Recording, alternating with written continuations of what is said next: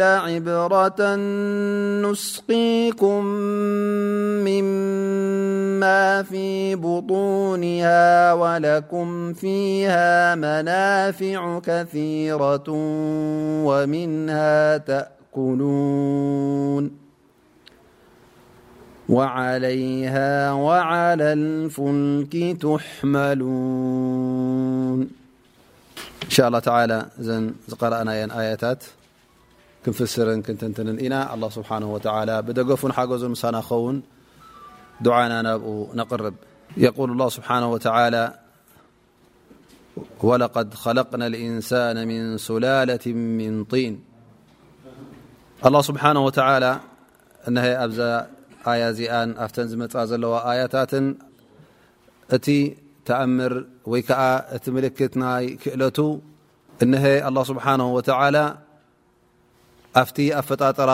ናይ ወዲ ሰብ ኣብቲ ኣፈጣጥራ ናይ ሰማይን ምድርን ናይ ዓለም ኣብኡ እቲ ሓይልናቱን እቲ ክእለትናቱን ኣላ ስብሓን ወተላ ክሳዕ ክንደይ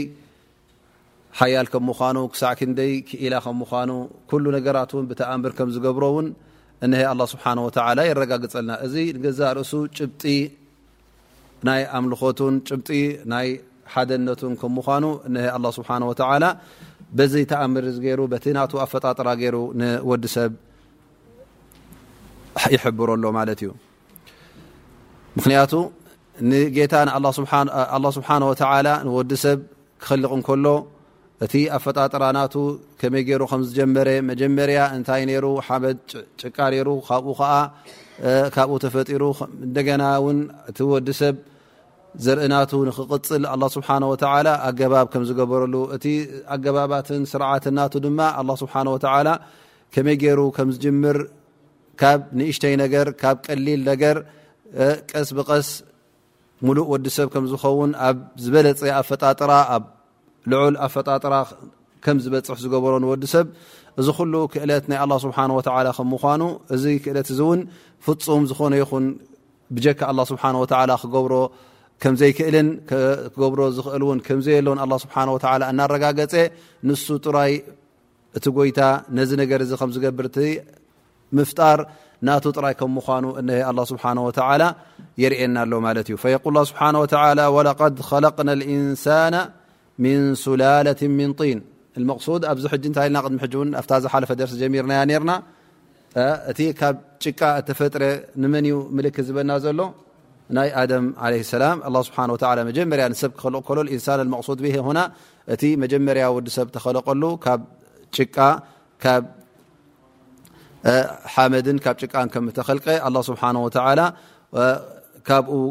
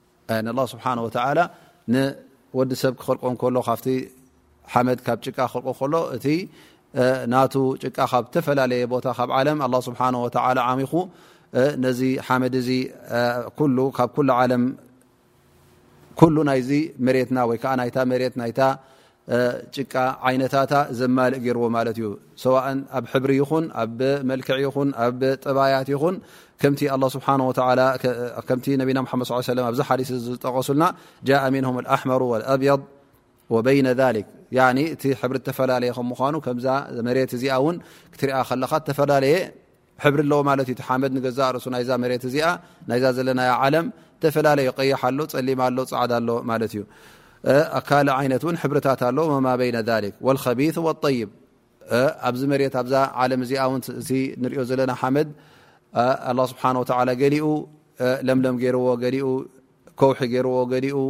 ሑፃ ገይርዎ ኣላ ስብሓን ወተላ ገሊኡ ንዘርኢ ዝኸውን ገሊኡ ንዘርኢ ዘይከውን ገይርዎ ኣላ ስብሓን ወተላ ከምኡ እውን ወዲ ሰብ ከምኡ ተኸሊቑ ማለት እዩ ጠባያቱ እተፈላለየ ገሊኡ ጠባዩ ለምለም ዝኾነ ጠባይ ደስ ዝብለካ ጠባይ ኣሎ ገሊኡ ከዓ ሕንጊድ ዝኾነ ከውሒ ዝኾነ ጠባይ ዘለዎ ዕንቅፋ ጥራይ ዝመልኦ ገሊኡ ከዓ ኣብትን ኣብትን መንጎ መንጎ ዝኾነ እውን ኣሎ ማለት እዩ እዘን ኣላ ስብሓን ወተላ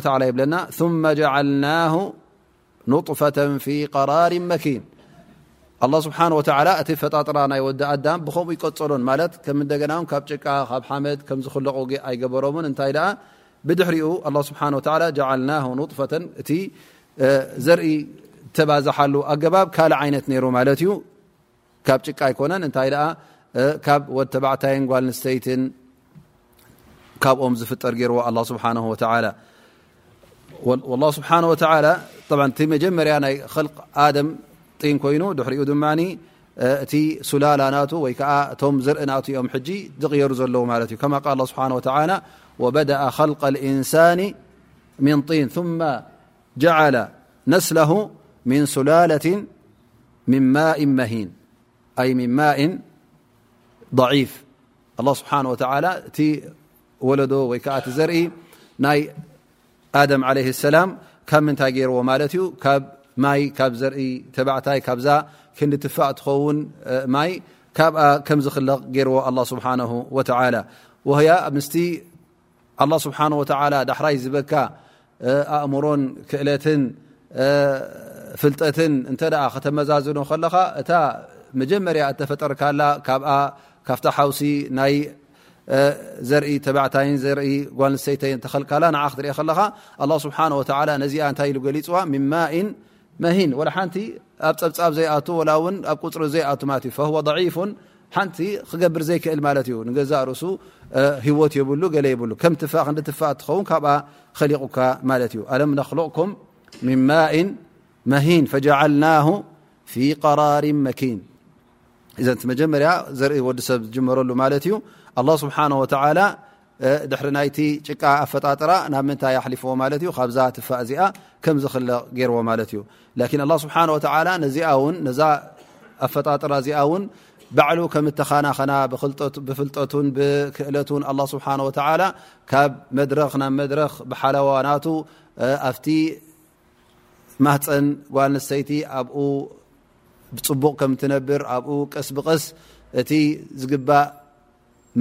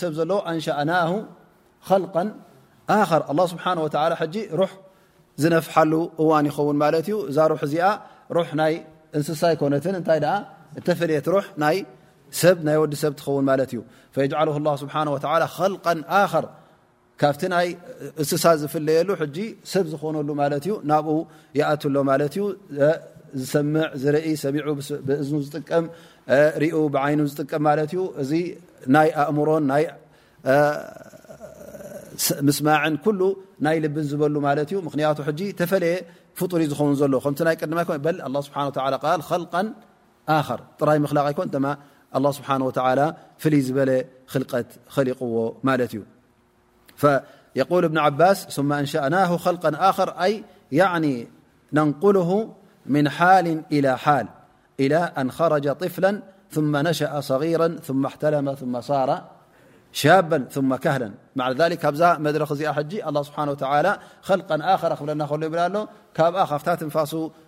ትስኳዓሉ እዋን ሩሕ ዝወሃበላ ሩሕ ናይ ወዲ ሰብ ብድሕሪኡ እውን ኣላ ስብሓን ወተላ ህፃን ገይሩ ኸሊቕዎ ህፃን እውን መድረኽ ናይ መንእሰይ ኮይኑ ቀስ ብቐስ እናዓበየ ካብ ዕሸል ካብ ህፃን ናብ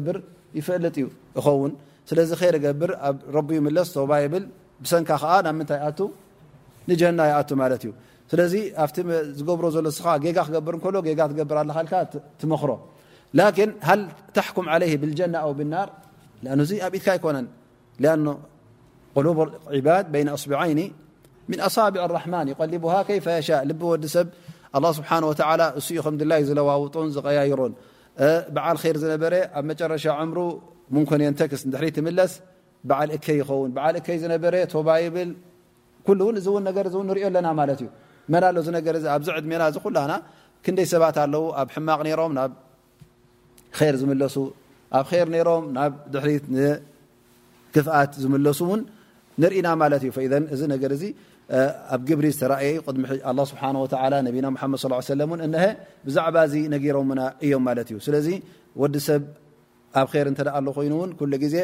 ኣነስ ላስ ኣብ ር ኣለኹ እሞ መጨረሽታይ ንጀና ክኣት ኢሎ ቀዳማይ ነገር ን ታይ ክገብር የብሉን ንሱ ንገዛእ ርእሱ ውን በጢሉ ክድቅስ የብሉን ኣንታ ረቢ ሓስን ኻዋትም ካቲማይ ኣፀብቀለይ ካቲማይ ሓስነለይ እናበለ ናብ ኣላ ስብሓን ወተላ ክውጃሃ ኣለዎ ክጥንቀቕ ኣለዎ በይነ ልከውፍ ወረጃእ ክኸውን ኣለዎ ኩሉ ግዜ ክፈርህ ኣለዎ ሃል ኣነስ ክቕፅል ድየ ወይስ ኣይቅፅልን እየ እዚ ሒዘዮ ዘለኹ መገዲ ሓቂ እናበለ እውን ክጥንቀቕ ኣለዎ ማለት እዩ እንተ ዘይጥንቀቕ ኮይኑ እተ ናብ ነፍሱ ዝፅጋዕ ኮይኑ ናብ ነፍሱ ዝውከል እተ ኮይኑ ኣላ ስብሓን ወተላ ናብ ነብሱ ክጎድፎ እዩ ኣብ መጨረሻ ውን ተውፊቅ ኣይክረክብን እዩ ላን እተ ሰጋእ መጋእ ዝብል ኮይኑ ማለት ኣነስ ፅቡቕ ለኹ ፅቡቕ የለኹን ኣንታ ረቢ ሓግዘኒ እናበለ ዝኸይድ እተ ኮይኑ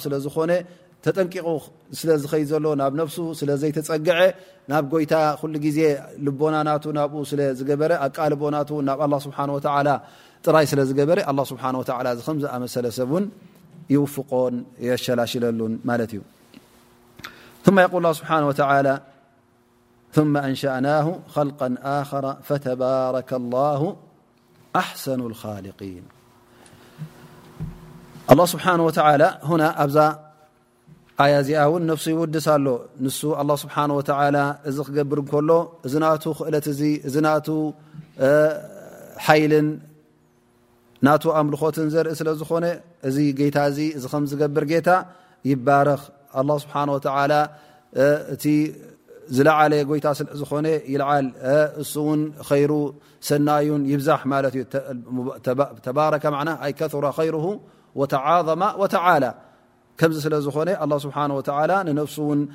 ክሳዕ ክንደይ ውዱስን ክሳዕ ክንደይ ልኡልን ከም ምዃኑ ኣላህ ስብሓነሁ ወተዓላ የርእየና ኣሎ ማለት እዩ ምኽንያቱ ነዚ ነገር ዝገብር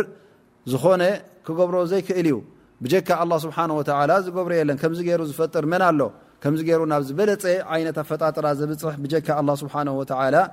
የለን ፈተባረከ ላሁ ኣሕሰኑ ልኻልቂን ወላህ ስብሓነሁ ወተዓላ እዚ ፍጥረት ናይ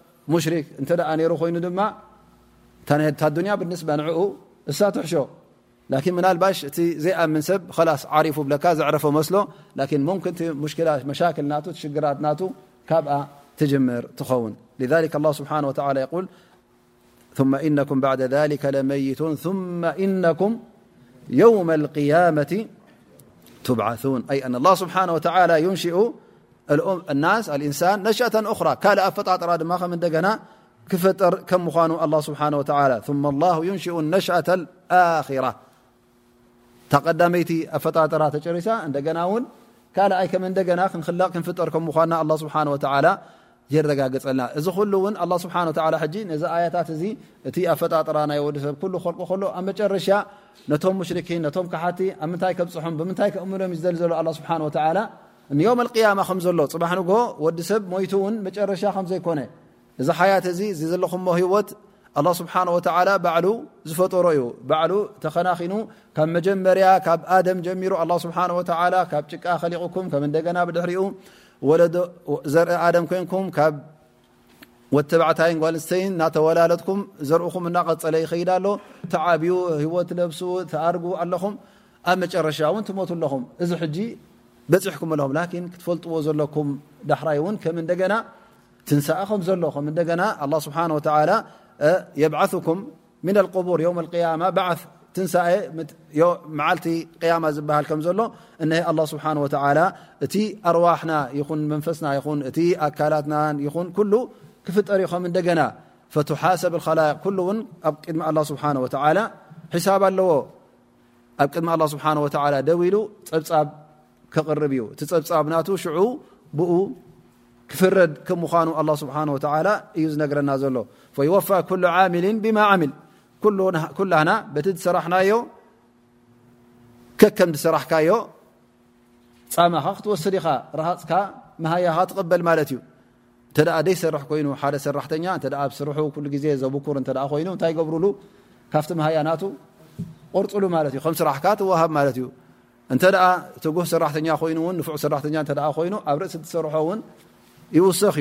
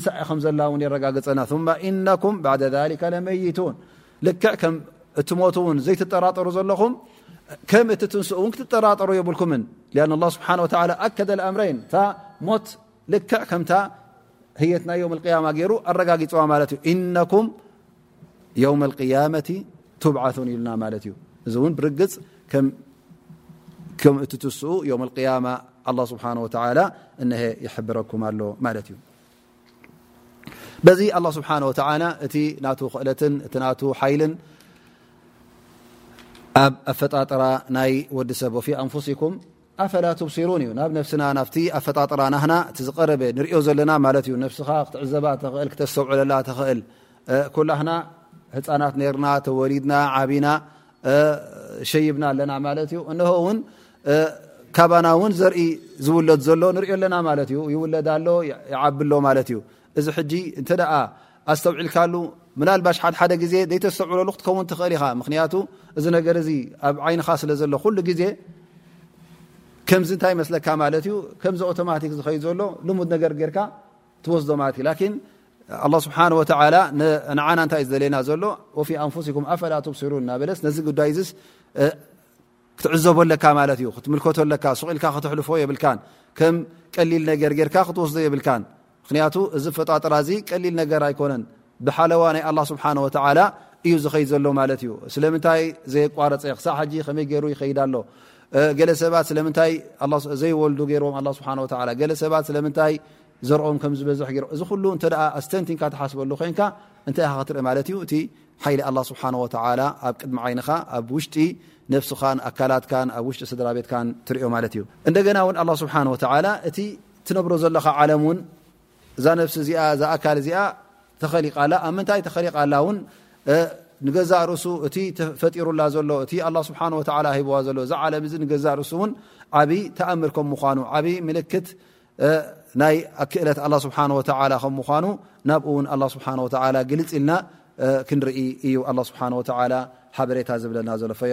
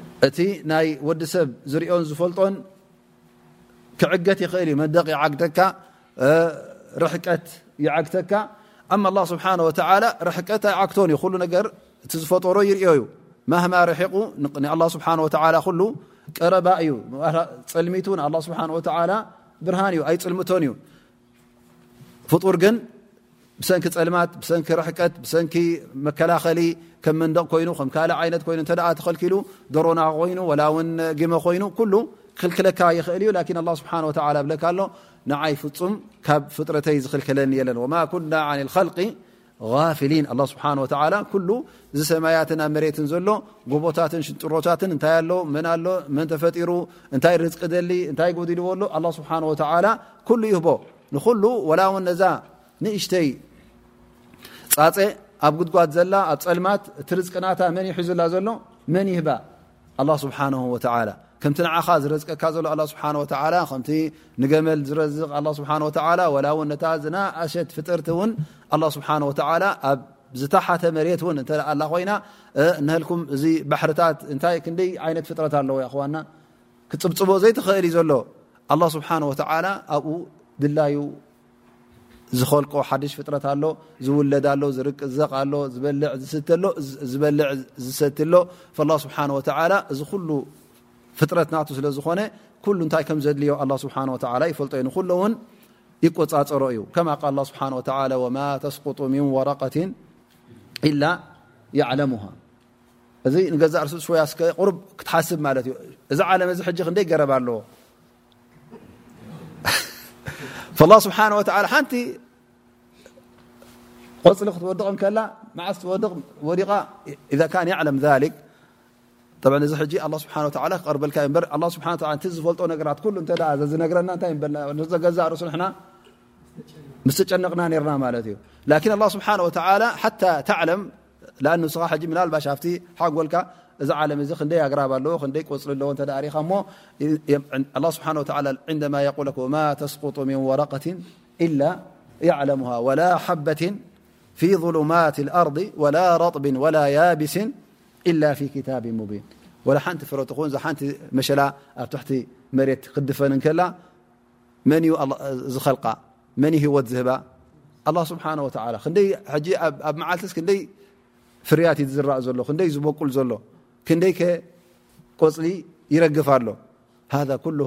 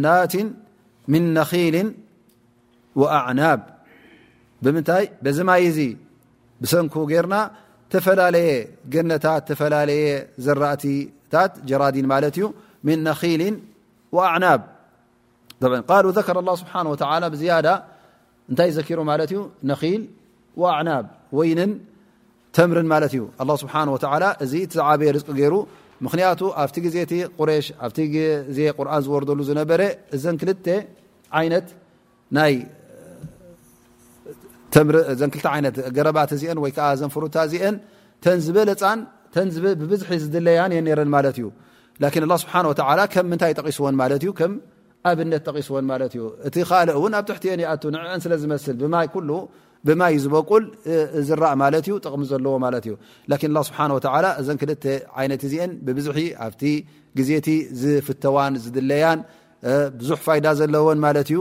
ስለ ዝኾና ኣላ ስብሓን ወተላ ጠቂስወን ማለት እዩ ፈዘ ኣላ ስብሓን ወተላ በዚ ብቢ ዓይነቱ ከም ዝኸለቀልና ዝተፈላለየ መልክዕ ዘለዎ ንክትሪኦ ከለኻ ደስ ዝብለካ ሓዳኢቃ ዛተባህጃ ገይሩ ንዓይንኻ ውን